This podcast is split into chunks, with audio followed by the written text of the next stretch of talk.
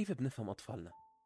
لحتى جاوبكم على هذا السؤال رح ياخد الموضوع معنا وقت كتير كبير لأنه الطفل مثله مثل أي شخص واعي وراشد عم نتعامل معه يوميا. ما حدا فينا بيقدر يحلل طبيعة وسلوك الأشخاص اللي بنشوفهم كل يوم. بس الطفل بيرسل إشارات أو بيعمل حركات بتسهل علينا طريقة التعامل معه. واليوم رح أعطيكم مثال عن هذا الموضوع.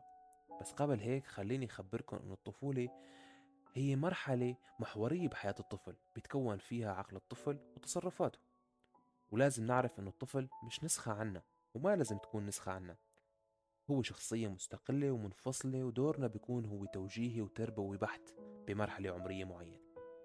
لهيك لازم نكون صبورين معه ونحاول نفهم شو الطفل عم يفكر.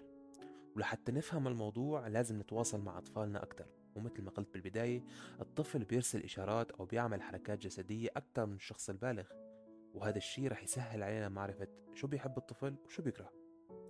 وكمان لازم نهتم بأنه نسمع أسئلتهم ونجاوب عليها بطريقة بسيطة ومفهومة.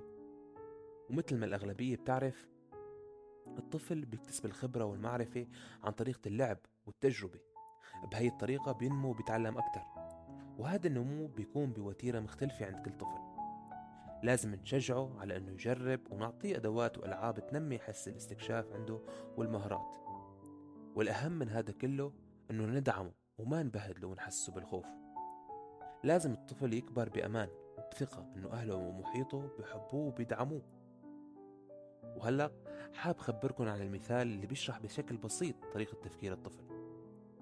مثل ما بتعرفوا للأسف نحن بمجتمعاتنا العربية ثقافة الحوار مع الطفل بعدها ما تحسنت بشكل كلي. بعد في كتير عائلات بتستخدم أسلوب التعنيف الجسدي أو اللفظي.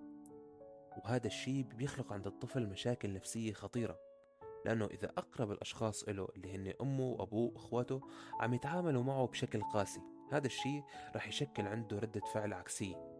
ممكن تكون بالتمرد على أوامر الأهل أو ممكن يتكون عنده فعل عدواني تجاه الغير وكتير قصص ما رح فوت فيها حاليا بس رح أحكي لكم قصة غريبة شوي بعمركم شفتوا طفل عم يضحك بشكل هستيري بعد تلقيه لعقاب من أمه أو أبوه؟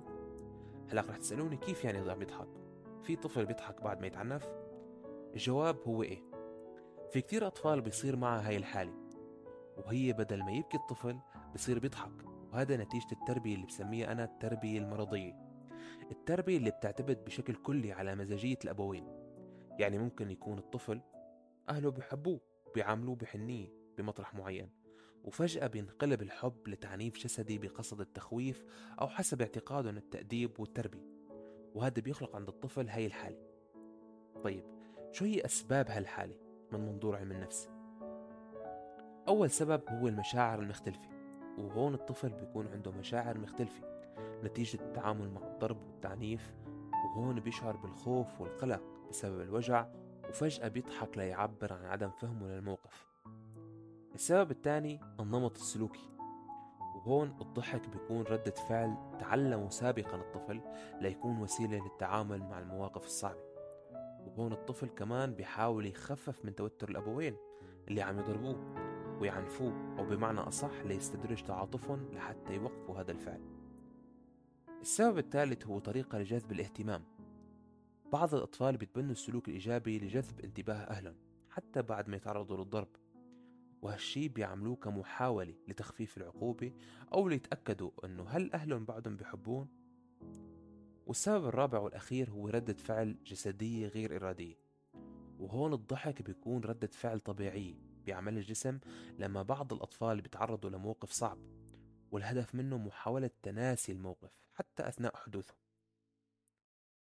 هلا الخلاصة هي إنه في حال صار هيك مع أطفالكم وهذا الشيء محتمل كتير إنه يصير نصيحتي بتكون هي توقيف هذا النوع من التربية المرضية اللي معتمد على تخويف وضرب كائن أضعف من إنه يرد علينا.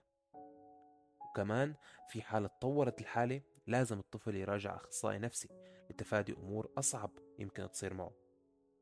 وآخر شي حابب أخبركم إياه أن الطفل مسؤولية عظيمة بيحتاج لتعاطف واهتمام كتير كبير.